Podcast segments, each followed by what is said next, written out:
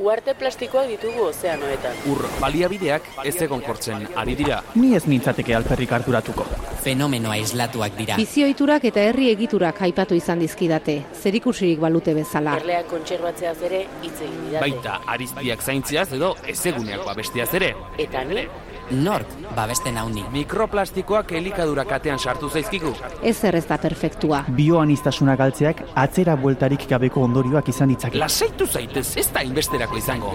energia erabilerari eta garraioari loturiko isuriak izugarriak dira. Ez du nik erabaki horrela izaterik. Aro geologiko bat markatzeko adinako eragina izan dugu. Evoluzioaren aztarna, arro, egoteko modukoa benetan. Baliabideen erauzketak arrakala sozialak handitu ditu. Zer diozu? Nik ez dut alakorik egin. Eragindako inpaktuak direla eta muturreko fenomenoak ugaritu dira. Nire inguruan ez dut hori sumatu. Euri azidoa bertan da. Bizitzak aurrera darrai. Bai? Ziur, Gelditu makina. gelditu makinak.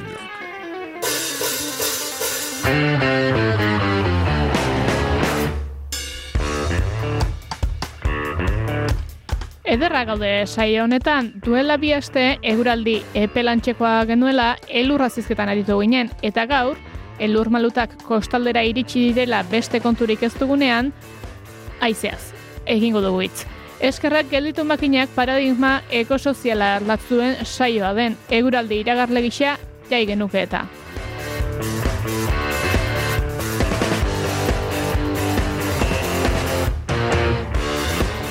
Astelena jai eguntzat hartu ez duen batekin hasiko gara, beinat zalduan naizeko kazetaria hurbilduko baitzaigu, eolikoen gaineko kokapen lagurra egitera. Jarraian berriz, azken boladako bi karamelu goxoenak batera. Umetan, urtebetetze festetako delikatesen konbo izarra zen gusanitoak eta patatak, kas naranjan bustita jatea. Bada, imaginatzen dugu, antzerako efektua dela haize errotak eta adimen artifiziala gelditu makinaken saio batean elkartzea.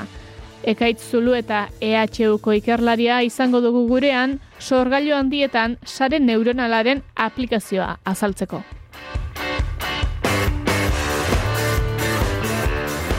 Listo guruñak martxan ditugu gelditu makineak saioaren hirugarren denboraldiko hogeita bigarren atala astadin.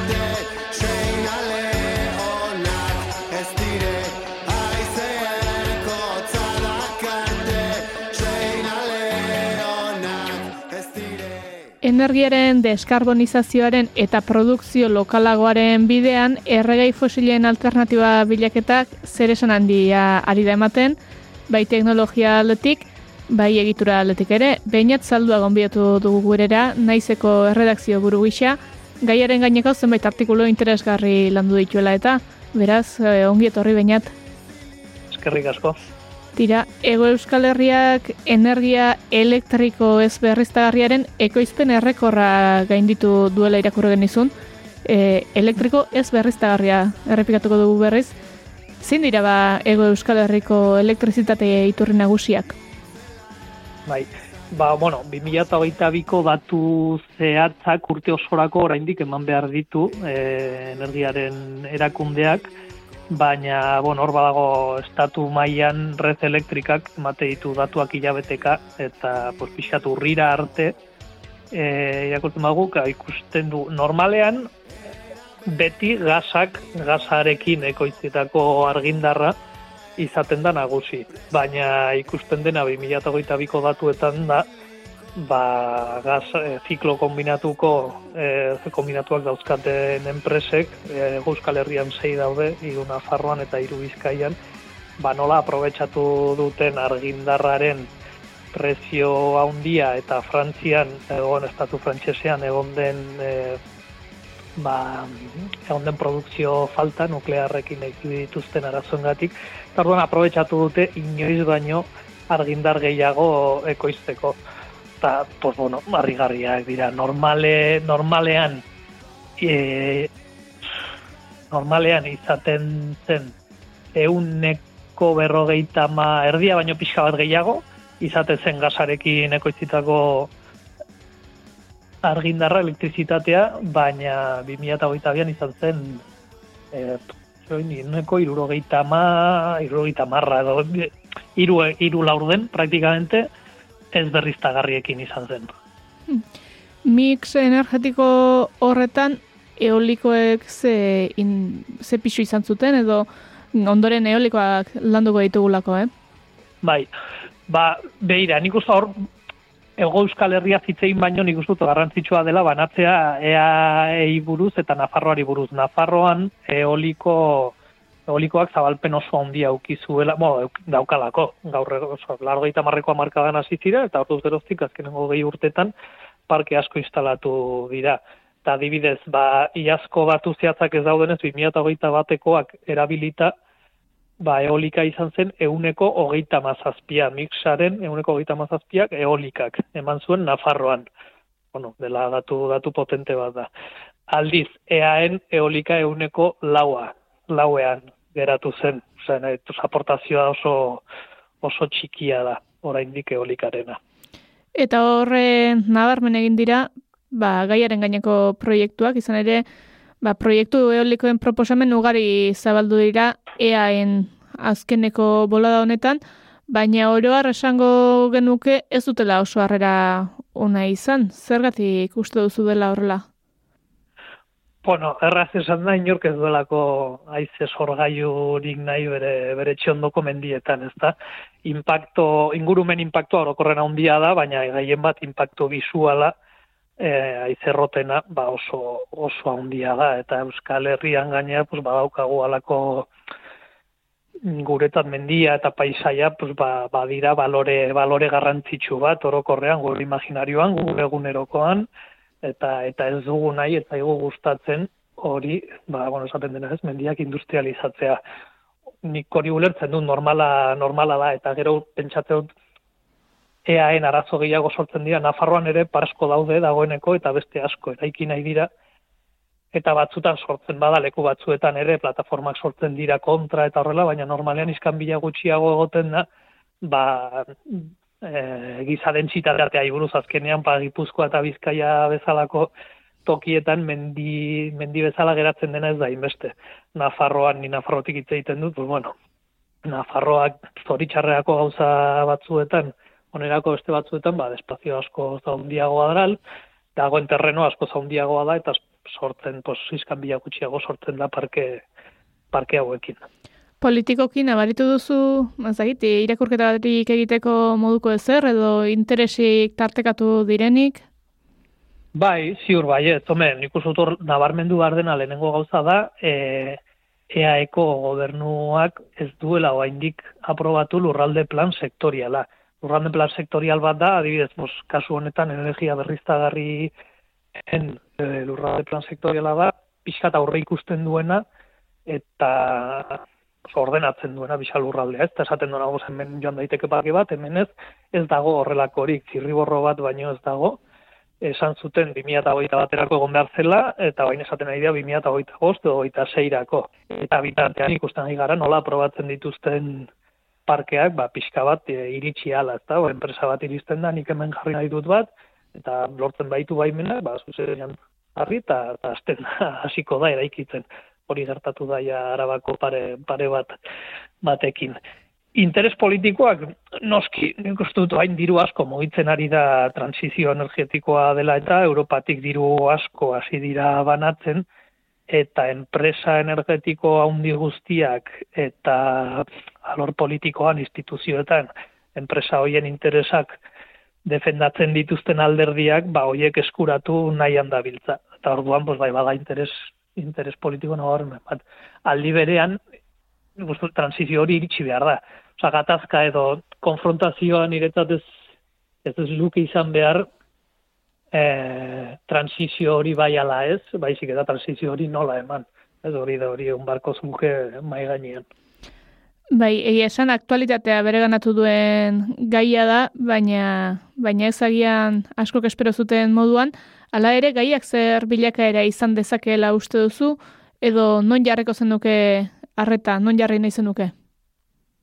Ba, nola joanen den ez, ez dakit. Ni orokorran ez naiz oso optimista, ez dudalako oaintxe bertan tentsio gehiagirik sumatzen gizarte gizarte mailan modu orokorra batean hitz egin da, eh? talde ekologistak mugituta daude eta eta gero ba bere herrian arazo zehatza daukana ere mugitzen da, baina orokorrean ez dut debate mamitsu bat emateko nahiko indar sozial ikusten oaintxe bertan. Mm, Ojala, konfundituta nagoen. Non gustatuko litzaidake, niri gustatuko litzaidake eh Osa, noski kontutan hartu behar dela teknologia, noski kontutan hartu behar dela non jartzen diren eta eta nonez, baina nik uste urrezko aukera bat e, izan alko zela, nahi edo oso zaila izan, e, transizio energetikoa energiaren demokratizazioari buruz hitz egiteko eta hortan e, pauso bat emateko. E, alegia gizartea kontziente izan da ze konsumo energetiko maila handia daukagun eta pixkat horren ardura hartu dezan. Eta horrek pues, pixkat binorabide eraman, binorabidetara eramaten gaituztelako aste alde batetik zer kendu daitekeen ba ikertu ez ze, ze desazkundeari edo ze, ze parte ze parte eman gutxiago behar izateko eta gero behar dena ba pixkat nahien arabera baino ez edo mendi honetan nik ez dut nahi edo nik mendi honetan bai edo debata termino horietan eman baino gehiago esan bueno pues a ber guk herri honetan zenbat zenbateko konsumoa daukagu eta nola bermatuko dugu konsumo konsumo hori. Pues bueno, nire hori, hori gustatuko litzaidake ikuste aurrengo hilabetetan. Ikusiko dugun edo ez, ba, Hori da. hori ba, aurrera goz. Hori ikusiko dugun edo ez ikusiko dugu aurrera xiago.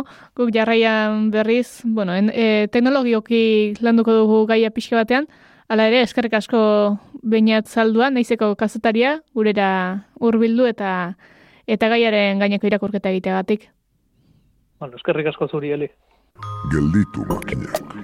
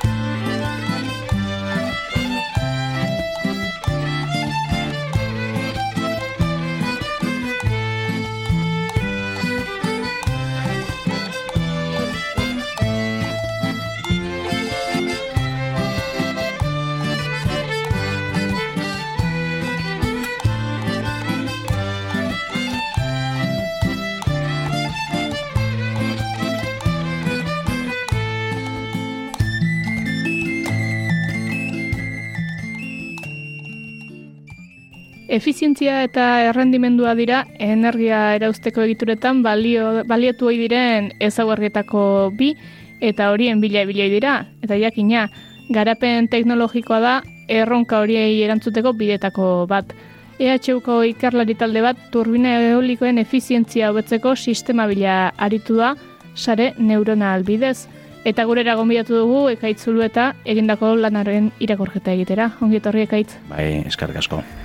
Tira, lehenik eta behin haize errotak izango ditugu, baina aipatuko dugu lekuaren aukerak eta egiteko, ba, bueno, azterketa sakon xamar bat egin behar dela, eta konta iguzu zer nolako oinarriak eta zer ze aldagai hartu behar izaten dira kontuan haize leku bat au- aukeratzeko.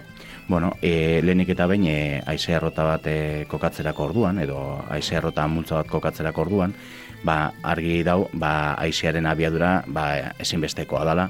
Eta ba, normalean e, urte, le, kokapen bakoitzarako ba, jartzen da ba, urtebeteko neur, neurriak, eh? ba, apur bat e, ikusteko urte bat e, bateko ibilbidea norako izaten dan.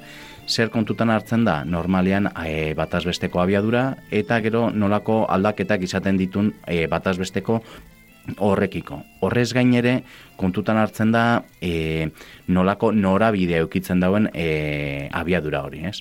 Ez da gauza bera, e, abiadura modulos konstante mantentzea, edo norabidez behin da berriz aldatzen egotea. Normalean aize errotek, e, o asko sobeto lan egiten dabe, baldin eta aize errotaren planoa, biratze bi- e, plan hori, espada aldatzen. Beraz, zer da egokiagoa? Haize plana aipatu duzu aldatzen ez dena, baina egonko riauten duen haize da konstante Ba, xamar bat edo... Alko, alko bala, aukeran, aukeran, ba, abiadura konstante bat izango litzake, baina hori ez da posible, ez? Baina, e, bai, e, egokiena izango litzake, ba, aize e, konstante bat, gitxo grabera, ba, bos metro, bos metro, koma bostetik aurrerakoak, bos metro segunduko e, zazpi hortik inguruan, baina errentagarria da, edo, bueno, bideragarria da, ezta? edozein lekutan ezin leke jarri edozein topologia. Aizea rota mota ezberdina da, eh? E, badauz ardatze horizontalekoak, e, normalean e, hiru egotakoak direnak, e, normalean mendi lerroetan, edo aurkitzen ditugun hoietakoak, horiek normalean ba, e, produkzio handiko le- eremuetan egoten dira, eta gero dauz beste batzuk e, ardatz vertikalakoak direnak, e, edozein norabideetan e, aixia hartuteko gai direnak, ezta? Zer gertatzen da horrako aize errotakin? Ba, normalian efizientzia ba, asko zere kaskarragoa dutela. Baina, bueno, normalian nun jartzen dira, e, ba, kazelota edo olako lapiko antzeko itxura duten ardatz vertikaleko Aize errota horietan, ba, potentzia txikiko eremuetan, ba, igual e, etxe baten, ba, edo itxasontzi baten, da, behar duela e, elektriziade apur bat, baina hortako, ba, izaten da, eskora jota, bos, bos kilo batiotako aize errota bat askora jota. Badauz handiak ere, baina normalena, ardatz vertikalekoak izaten dira, ba, bos kilo batiotakoak, gitxera bera, eh? Eta gero, ba, alane, ardatze horizontalekoak, ba, hiru egodunak, ba, normalean izaten dira, ba, eun kilobatio, hori da mini eolika ditzen da noietako bat, eta gero, ba, megabatio batetik aurrera, ba, izaten da, ba, ba, potentzia handiko e, aize errota bat. Eta horiek izaten dira, edo itxasaldian, edo egoten dira, ba, mendietako e, ba, gaineetan, eh, kon, e, gailurretan. Mm? Apur bat, aizea aliketa konstanteen egon dadin. Eh? Normalian, e, e, aixia e, ez da izaten konstantea, baina ere moietan abiadura neko konstantea da. Apur bat idea bat iteko, zu hortxe baldin ba zauz, jakin gure bazo, ez? Imaginatu daukazula lur zail bat, ez? Eta, Imaginatu egin behar, bai. Bai, bai, iruditu. E, igual, e, ba, entzuletako batek, ez? Jo, leku hau egokia da, edo ez? Zua antxe baldin bazaz, eta ixia mo- molestatzen bada zaitu, eh? Ah, eh, orduan leku egokia dela. Eh? Baina, izan behar da beti, aize, aize konstan, alik eta konstanteena, eh? norabidez aldatzen ez dena. E, ala eta be badago horrelako aplikatibo bat, e, mapa bat e, estatu mailan erakusten dozkuna e, zenbateko errekurso eolikoa dauen altueraren arabera eta kokalekuaren arabera. Mm.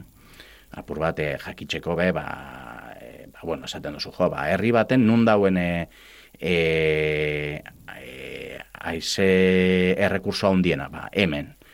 Mm, Normalian e, herriek eta ez dira egoten aixia egiten dauen leku baten, baina bueno, Bai. Gero gainera horrelako mapak egitea ez da dirudien bezain simplea edo Ez- bueno, aizaren joerak agian ez dira aurre ikusgarriak. Ba, e, karo, e, hortxe, bueno, e, alde batetik, lehen aipatu dugun mapa hori, gitxi gora berako e, eskala handiko simulazioetatik datoz, bai, edo kalkuloetatik datoz. Eta horriek ez daukate zehaztasun handiko edo e, informazioa. Azken batez, gero zu kokaluk, e, zu gurosun aztertu gurosun kokalekura joan behar eta neurketa bat behar dozu, ba, ikusteko ja benetan aize horiek badauzen. hm? Zeren eta gero egon daiteke ba, e, zuaitz batzuk aldamenean, edo egon daiteke beste e, ostopo bat gertu, edo, bueno, egon daitezke mila gauza, ba, e, kokaglekuaren egokitasun hori, ba, e, zapustuen duena. Eta, bueno, hortaz gaine be, badauzela, e, e, naiz eta aixia egin eta leku egokia izan, leku guztiak ez dira bideragarriak edo e, araudiek ez dute usten. Ba, zergatik, ba, e, adibidez, itxaso aldean, e, itxasertzeetan, ba, badago muga bat, nun ezin dozune edo zer gauza jarri, edo itxason e, e, txorientzako babeslekoak direnak ba, ezin dira jarri, badauz babes berezitako e, leku batzuk nun e, araudiak ez duen usten e, leku horiek erabiltzen. Aize erratoez ari garela eta askotan ohikoenak dirazuk ere aipatu duzu arlatz horizontalekoak eta eta hiru pala aipatu dituzu eta esango dugu ikusti, ikusten ditugun gehienak ere arlakoak direla eta ez dela estetika kontua bakarrik ez, aerodinamikak ere garrantzi handia duela horrelako kontuetan Mhm. eta horretatik datorrala. Bai, bai, bai. E, e, normalean, e, igual, ez da ditu goratzen zaretena, entxinako oestetako pelikulatako e, aize errota horiek daukila ego pilo bat, eta ardatze e, horizontalekoa dana, ez? Hoiek izaten dira, gero eta ego gehiago euki, ba, bizkorrago hart- hart- hartzen dabe abiadura. Baina, e, aerodinamikoki nolabait ez dira oso e, egokiak, ez dute ateratzen aizetik behar besteko energia. E, zergatik, azken batez ego bat pasada bat egiterakoan, lorratza aize putzada bat egiten dau, eta urrenoko e, egoari aixia bez, e, ez dio usten bidar, behar, beharrezko duen ai, e, abiadurarekin. Horregaitzik ego asko jartzen badira, ba alperri galtzen da. Ordun zein da e, egokiena nolabait apur bat e, termino egoki bat alde batetik e, ego asko jartzea ba, e, aliketa eteken gisa ateateko, baina e, ego bakoitzatik aliketa et, e, etekin hori berakada ondiege euki ez desan, ba jartzen dira hiru bakarra edo bi jartzen badia normalian e, e, esfortzu mekanikoak neko, neko txarrak izaten dira, e, ostilazioak agertzen dira, eta e, e, egitura mekanikoan e, nekeak agertzen dira. Aize erratetan bestalde, bueno, sorkuntza almena eta errendimendua zeren araberakoak izaten dira, zer baldintzatzen ditu? E, a- e, aize errota baten e, ekoizpena demagun e, errekurso aizea badagoela, ez? Bueno, argi dago alde batetik aerodinamikaren e, forma garrantzitsua dela, Gero badauz ere e, makina elektriko bat, bere potentzia etaparekin, eta horrek ere emankortasun bat daukie, edo nolabait e, e, errendimentua daukie. Aerodinamika, e, e, aerodinamika kontutan, e, hau da, egoa edo turbina alderen aldetik, haizeak daukon e, energi zinetikoaren euneko e, berrogeita meretziko mairua bakarrik hartu daiteke askora jota hori muga limite bada limite hortatik bera egoten da beti, haize errota normal batek, bale? E, normala da, ze azken batez energi guztia sautuko ba, hartuko ba genu, aixiatza mugituko eta aixe geixagotzen sartuko turbinara. Hm? Orduan, ba, bueno, apur bat, e, muga teorikoa, betzen muga hori, e, euneko e, irurogeita meretziko mairu da, eta e, errealidadean ba, heltzen dira berro eta bostera, euneko berro eta bostera, berro eta amarrera ez dira heltzen. Eh? Baina hori oso errendimentu ona da. Eh?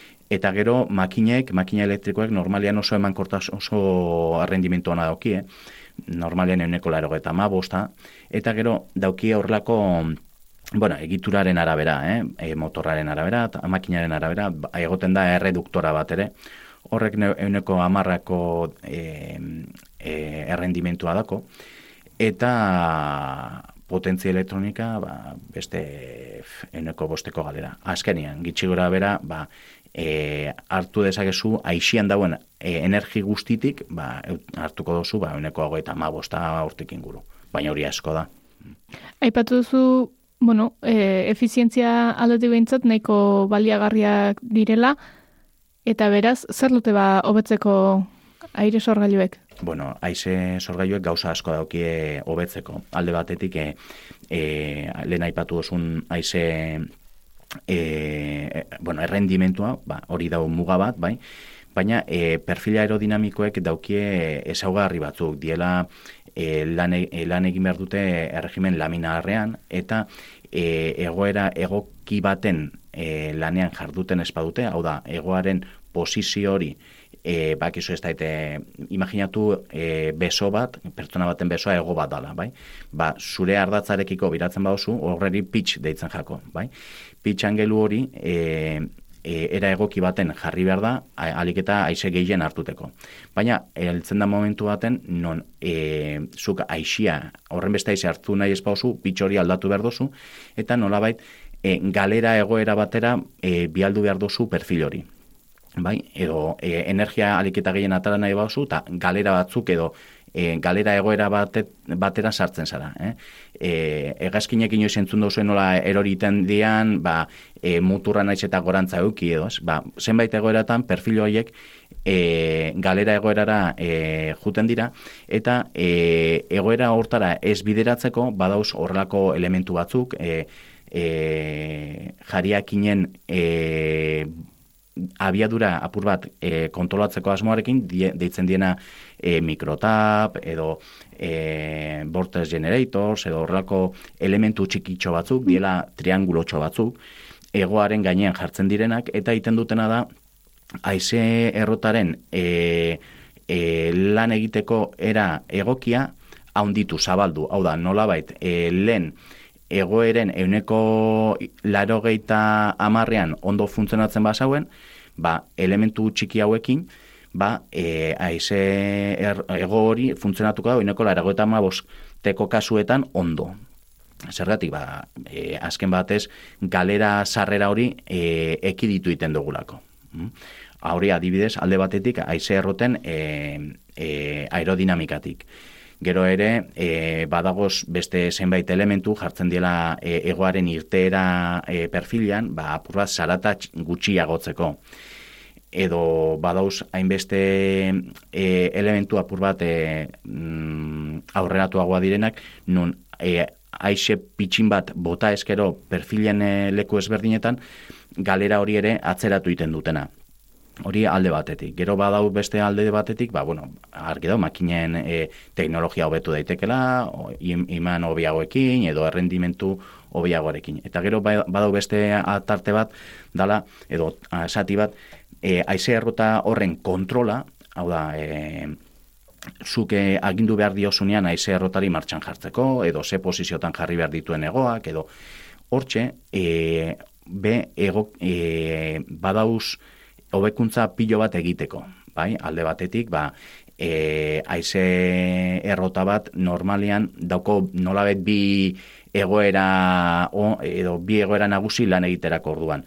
Bat da, e, aize txikietan, aize txikietan nolabait e, alik eta potentzia gehien atatzen alegintzen da, eta gero badao aize muga batetik aurrera, nun potentzia nominalera heltzen da. Eta azten da, egoaren e, norabide hori edo pitch hori aldatzen.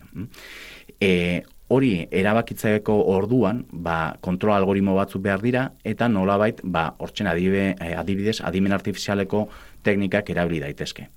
Beste aldetik ere, ba, adibidez, aize errotaren e, e, nolabait, eguzkiloren bate modun, lan egiten dago, ez? Mundu guztiak ikusten da eguzkilore bat, eguzkiari begira dagoela, ezta? Ba, aize errota batek logikoena da beti aizeari e, aurre egitea da. Aliketa aize gehien hartuteko, ezta? Eta aliketa energi gehien hartuteko. Zer gertatzen da, e, abiadura egotea behin da berriz aize errotaren norabide aldatzen, e, nolabait esfortzu mekaniko handiak suposatu ditzazke eta egitura hautzi dezake.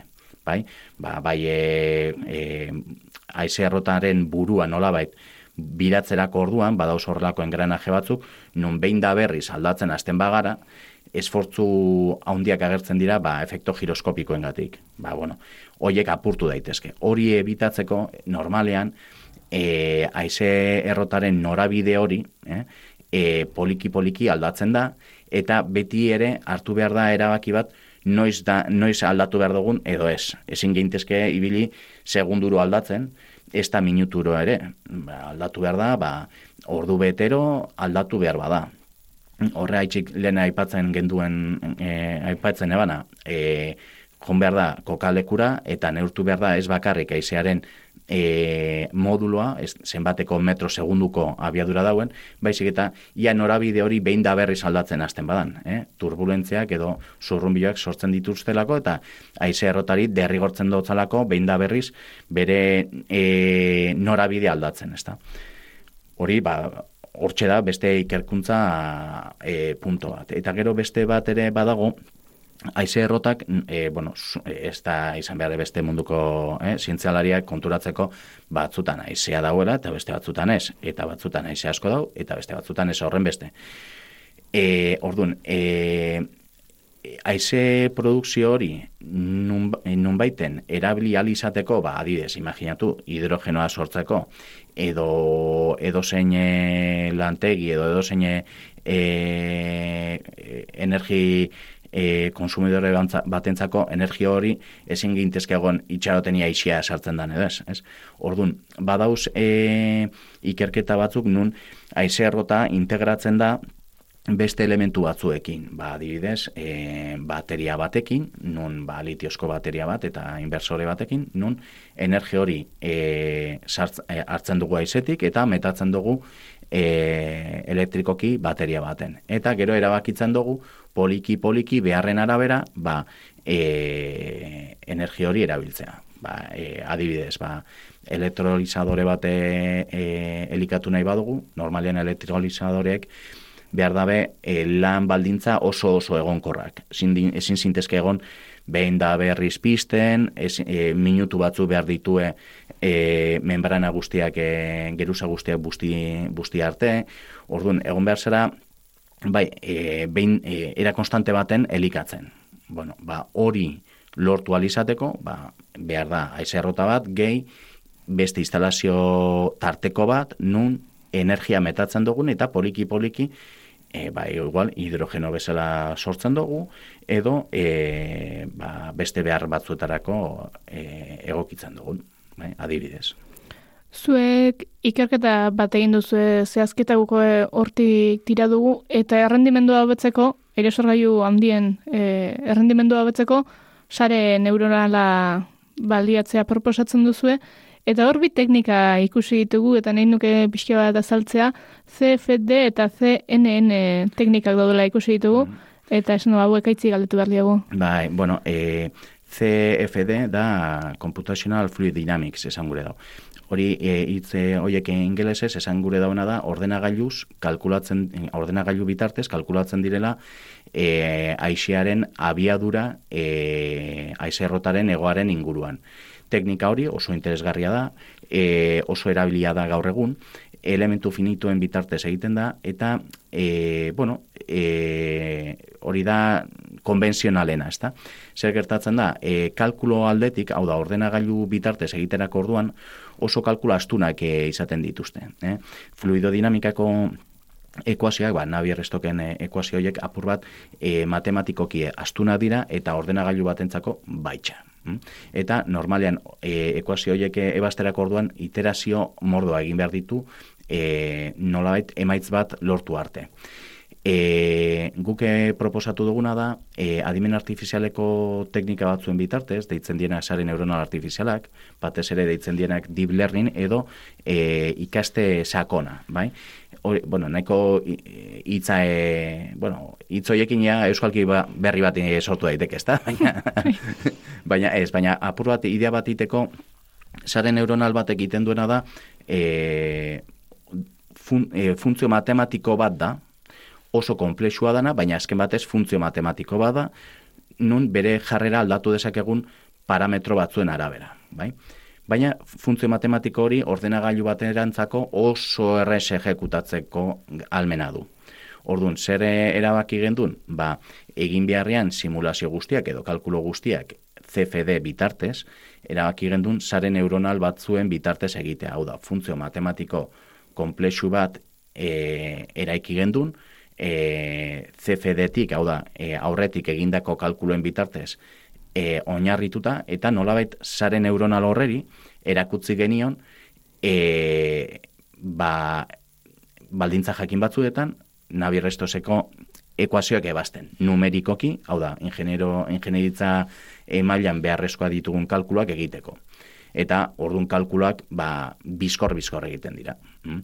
Normalean ba, CFD bitartez e, geometria jakin batekin, ba, e, igual, astebeteko e, konputazio denpora erueten dotzuna, behin sare neuronal baten bitartez entrenatzen badozu, beste egoera bat aztertu nahi badozu, e, datu, e, e, gertuko datuekin entrenatu badozu, ba, igual segundu baten emaitzak badituzu. Bai? Apur bat horrelako aldea dago. mm? Eta alde hortatik, ba, bueno, sare neuronalak, ba, batez be, e, e, deep learning edo ikaste sakon horren bitartez e, egitea, ba, bueno, neko itxaro pentsu gaude. Bueno, oso. Horrek esan nahi du, errazago egokituko direla aldaketa berrietara, Hori da, azken batez, e, e, simulatzerako orduan, ba, e, bai e, aize errota bat e, kalkulatu nahi duenak, edo e, aerodinamikarekin zerikusia duen e, edo zein sistema kalkulatu nahi bada, e, emaitza bat hilabete batean, edo bi hilabetetan emoten badiozu, edo sei hilabetetan, ba igual ez da hain interesgarria, baina e, zuk emaitzak, naiz eta guzti zehatzak ez izan, emaitz bat emoten badozu egun baten, edo gitxiagotan, ba, e, erabakiak ere bizkorrago eta era dinamikagoago baten e, egin daitezke. Ikerketa egiteko esan dugu aire sorgailu handietan zentratu zare- zaretela potentzia altukoetan zergatik e, Bueno, e, adidez aerodinamika aldetik, ba, lehen aipatu ditugun elementu horiek, e, zurrumbilo so- e, sorgailu horiek, e, Vortex Generators izeneko elementu horiek, edo mikrotapak eta, e, aize errotaren e, hobekuntza txiki bat da, bai? Euneko bosteko hobekuntza da, azkenean energi aldetik, bai? E, hau da, deitzen da Annual Energy Production, e, AEP deitzen da, ba? Urtea, urteko zenbate energi ekoizten dan. Ba, horren euneko bosteko bakarrik gehikuntza da, baina hain dira aize errota handiak, nun hori bakarrik hau- e, hobetuta ere, energia asko ataratzen dela. Mm. Eta, ba, bueno, horregatik zentratu gara edo e, lan indogu kasu konkretu hortan e, aize errota ondietarako. Eh? Batez be, e, kasu horretan, eh? Be, gitxi gara bera, baina, bueno, lan, lan egiten dugu ere, ba, eun kilobatiotako aize errotakin, ba, diela bakarrik e, hogei metrotakoak, hogei tamar metrotako altuera duen e, bat, eta iguale bere e, egoen e, luzera da ba, amabi metrotakoa edo amaikako ma bostekoak. Bai? E, azken batez ez dago horren beste alde. Eh? E, apur bat e, analizatzerako orduan gauza bat edo beste bat arazoak neko antzekoak izaten dira. Mm. eta errendimendua hobetzeko bai ure uste duzu edo zuen itxaro pentsu zaudetela aipatu duzulako, eh? Sare neuronalak izan ditzazkela bestelako ekarpenak aire sorgailuen inguruan? Bai, bai, bai. E, e, aize sorgailu bat e, kontrolatzerako ordu, aipatu dugu alde batetik aerodinamikako kalkuluak arintzeko balio dezakela. Baina aerodinamikako e, diseinua ere proposatzeko balio dabe. Badauz teknika batzuk nun e, sare neuronalen bitartez e, diseinu adimentsu bak e, e, garatzeko gai direnak, bai? Hori alde batetik, eta gero beste bat da e, aize sorgailu bera ere kontrolatzerako orduan, hau da, erabakitzerakoan e, noiz e, aldatu behar deten e, norabidea, edo alda, erabaki behar detenean e, modo batetik bestera, hau da, potentzi nominaletik potentzi maksimoko egoera batera e, pasa behar detenean, hortxe dauzen e, iri, e, erabakiak no, e, algoritmo batek hartu behar ditu. Algoritmo hori adimen artifizialeko e, tekniketan oinarritu daiteke, edo, edo logikoena hori izango litzake. Eh? Ze azken batez, nola baiteko e, ez, dago, ez dago horren beste funtzio matematiko, baizik eta dauzela saiakera edo simulazio pilo bat, ez? Orduan, e, algoritmo horiek bereziki ondo datoz, ba, nolabait proba, probatzen da, eta e, proposapen, proposamen bat egiten da, frogatzen da, e, ondo dotxartu egiten da, berriz beste proposamen bat egiten da, e, simulazio batzuk egiten ditu, eta poliki-poliki prozesu horretan e, proposamena eta saiakera horren artean eta ebaluaketa horren artean, al, azkenean heltzen da oso konklusio honetara. Azkenean ez da gauza bera aizerrota bat kontrolatzea kokapen baten edo beste baten. Naiz eta aize sorgailu berbera izan. Ez, ze azkenean kokaluk, e, kokaleku bakoitzak e, bere berezitasunak ditu, ez? Igual leku baten aixearen e, e, aldaera hori ez da horren nabaria, edo aldaera batzuk emoten direnean, ba, beti e, putzadak e, norabide batetik iz- izaten dira, ez? Ba, guk txikitzen e, ondartzea juten ginen modun, eta beti egoten zean, hiru olatutatiko e, bat egoten da handia, ez? Ba, e, kokaleku bakoitzako antzeko efektu batzuk, ez? Eta, ba, bueno, horrako gauzak ikasteko, edo aiz, e, kontrol batek era automatiko, automatiko baten ikasteko, teknikarik o, egokiena, adimen artifizialetan, artifizialeko tekniketan oinarritzea da. Eta horretarako superordenagailuak behar izaten dira, alegia ariketa komplexioak izango dira eta izango ditu bere kostuak. Bai, bai, bai, bueno, e, sare neuronalak e, entrenatzerako orduan, e, e, nolabait, zerotik azten zarenean eta datu base pilo handi bat daukasuniko, nolabait, inbehar duzu e, training izeneko prozesu bat edo ikaste prozesu bat. Ikaste prozesu hori nahiko astuna izaten da eta bai, behar dira e, baliabide pilotxo bat, bai? Baina e, gauz, e, behin entrenatuta gero, aize sorgailuan e, e, bere kontrolean sartu daiteke, eta ikusten bada e, egokia ez dala, datuak irakurri daitezke eta eguneratzen jun daiteke e, kanpoan dauen e, ordenagailu handi baten, edo gaitas, konputazio handiko e, ordenagailu baten.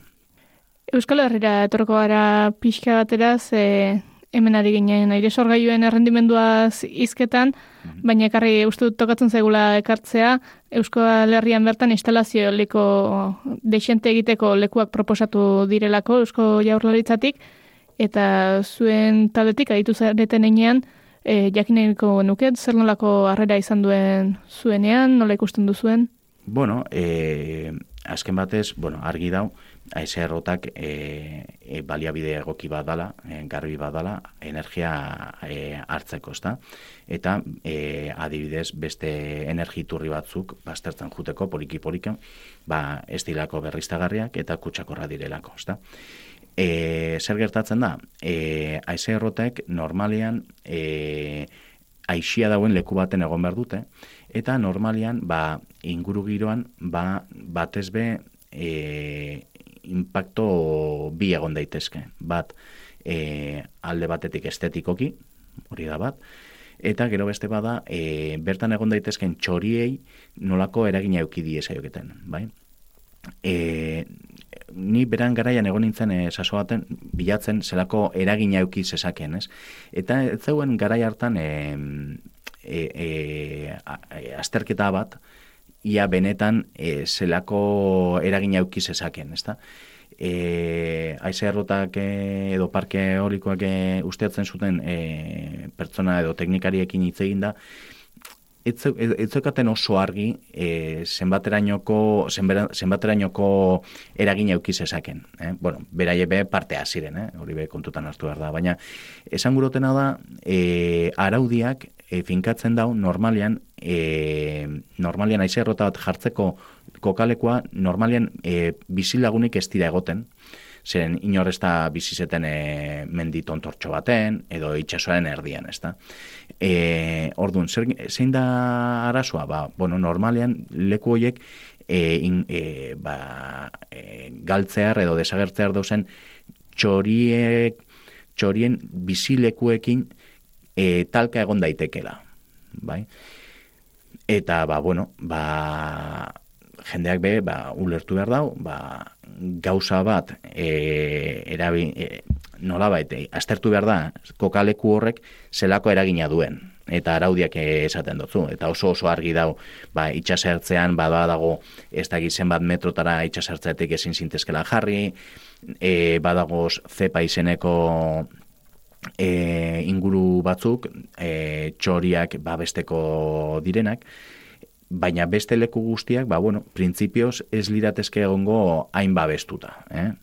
Eta, bueno, leku egokiak eh, izan daitezke. Gero ere, bada tarteko aukerak, tarteko aukera bat, izango litzake, bueno, e, aizerrota jartzen dut, txoriak egon daitezke, bizileku bat izan daiteke, baina igual ez dauz e, desagartzear, e, e, desagartzeko egoeran, edo e, jarri daiteke ere e, neurri batzuk e, txori horiek bizi irauteko hobeto. Hau da, e, aizerrota jartzen dozu, baina nolabaiteko konpensaketa batzuk egon daitezke, ba, jateko kokalekoekin kokalekoa jarrita edo horrelako gauzak. Mm. Orduan, e, beti ere aztertu behar da egoera, ez? Argi dau, ba, zepa izeneko inguru baten ezin leike da jarri, eh? Zepa da erderaz, e, zona de especial protección aviar, uste dut, eh? Itz batzu dia. Bueno, ba, leku horretan ezin dozu jarri. E, best, zein, besta, zein beste leku batzuetan, ba, adidez, urdaibai moduko e, leku baten. Mm? E, ba, hori, ba, ba, ez, izaro erdian, ba, besta, eh, zergatik, ba, hor txitxori batzu dauzelako, eta, bueno, badauz, zenbait eremu, bereziki, babestuta dauzenak. Mm? Eta ba, bueno, ba, aztertu behar da e, egoera bakoitzak. Mm? Dena den, e, ba, bueno, mm, gero, bueno, hori, baina hori ja bakoitzaren e, bai. iritzia da, ez? E, kao, hau niri iritzi pertsonala da, ez? E, bueno, demagun e, leku egoki bat dala, ez togula inongo abereri edo e, bizidun bateri kalte egiten edo kalte berezerik egiten, eta, ba, bueno, e, nok ustiatu beharko lukeen e, aize errota hori ez. Bueno, nire ikuspuntua da, ezken batez, aixia ba, bertakoen e, onurako izan beharko litzakela, ez da. Hau da, apur bat, e, ba, ez da e, udaletxe batenak izan, izan beharko liratezken, edo foru aldundiarenak, baina azken batez, e, bertan bizi diren pertsonen e, onurako izan beharko litzakela errekurso hori, ez da apur bat, e, ba, bueno, errota jartzen dizkizute, baina ba, zure energia ba, e, merkeago da, edo jatorri berriztagarriti dator, eta horreke albidetzen dutzu, ba, adibidez, ba, e, bestelako e, kutsadura geistea, ba, e, elektrizidade ba, e, bitartez, berotu alba dezakezu zure etxea, ba, ez dozu erreko gaza, edo ez dozu erreko gasolia, ez da? Ba, bueno, Hau da, nire, baina hori da sensibilidade kontu bat, ez? Nitzako, ba, bueno, ba, bai iru, e, gustako lekidake, ba, horreako kokalekoak dauzenean, bueno, ba, bat ezbek, ba, e, bertako herritarrentzako egotia, ez? Baina hori nire iritzi pertsonala da. Mm. Baina, bueno, hori da gitxigora bera. Eh? Aztertu beharko litzake, kasu bakoitza, e, e, zenbat, e, zelako kaltea eragiten dan e, inguru giroari, e, eta gero zelako onurak ekarri ditzazken, ez? Eta, bueno, ba, igual, bizidun batzueri kalte baiako, baina jartzen bajako, ba, e, kompensazio neurri batzuk, ba, bueno, ba, be ez da, ez da eroki, erokeri bat, ez? Baina, bueno, beti ere, aztertu inberda dago. Normalian horrelako prozesuak urteak dara mate, gitxienez, e, bi urte, hiru urte eramaten dabe, ba, eskaerain, administrazio ezberdinei e, e, txo, aldeko txostenak edo txostenak e, eskatzea, eta ba, bueno, ba, kotxak ba, bere araudiaren edo erabaki esparruaren arabera ba, emoten dau beran, beran iritzia, ez? Baina, bueno, nire gustako jaten bai, ba, igual, Euskal Herriko hainbat, hainbat herri, ba, ba, bueno, ba, apur bate ustuten ari direla, ba, honen bitartez, ba, herri txiki batek, ba, eukitzea beran udaletxea sostengatzeko diruz sarrera bat, ez? Baina kau, udaletxe baten dako, edo herriko eskolantzako, ba, bueno, ba, e, bero gailuak txukunu egitzeko, edo bertako agurien e, e, egoitzantzako, ba, ba, bero gailu merke bat egitzeko, ez Baina, bueno, hori, esaten dut, iritzi pertsonala dira. Ba, alare zure azalpen eta esate neuronalaren erabilerarekin ere Geratuko gara, gara eskerrik asko ekaitz zulu eta gurean izateagatik eta ainazalpen argiak emateagatik. Vale, zeuri. Eli pagolarekin geldituko dituzu makinak naiz irratian.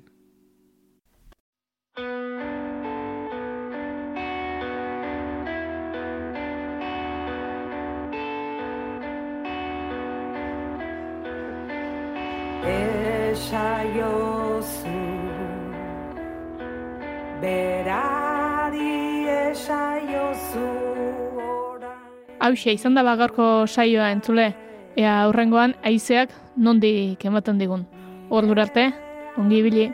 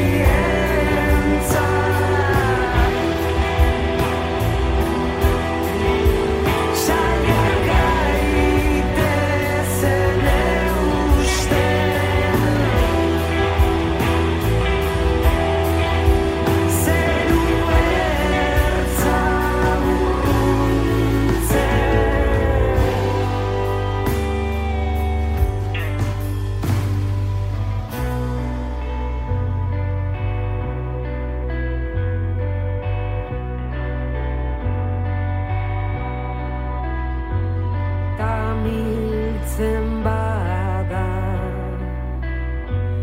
Eskuetan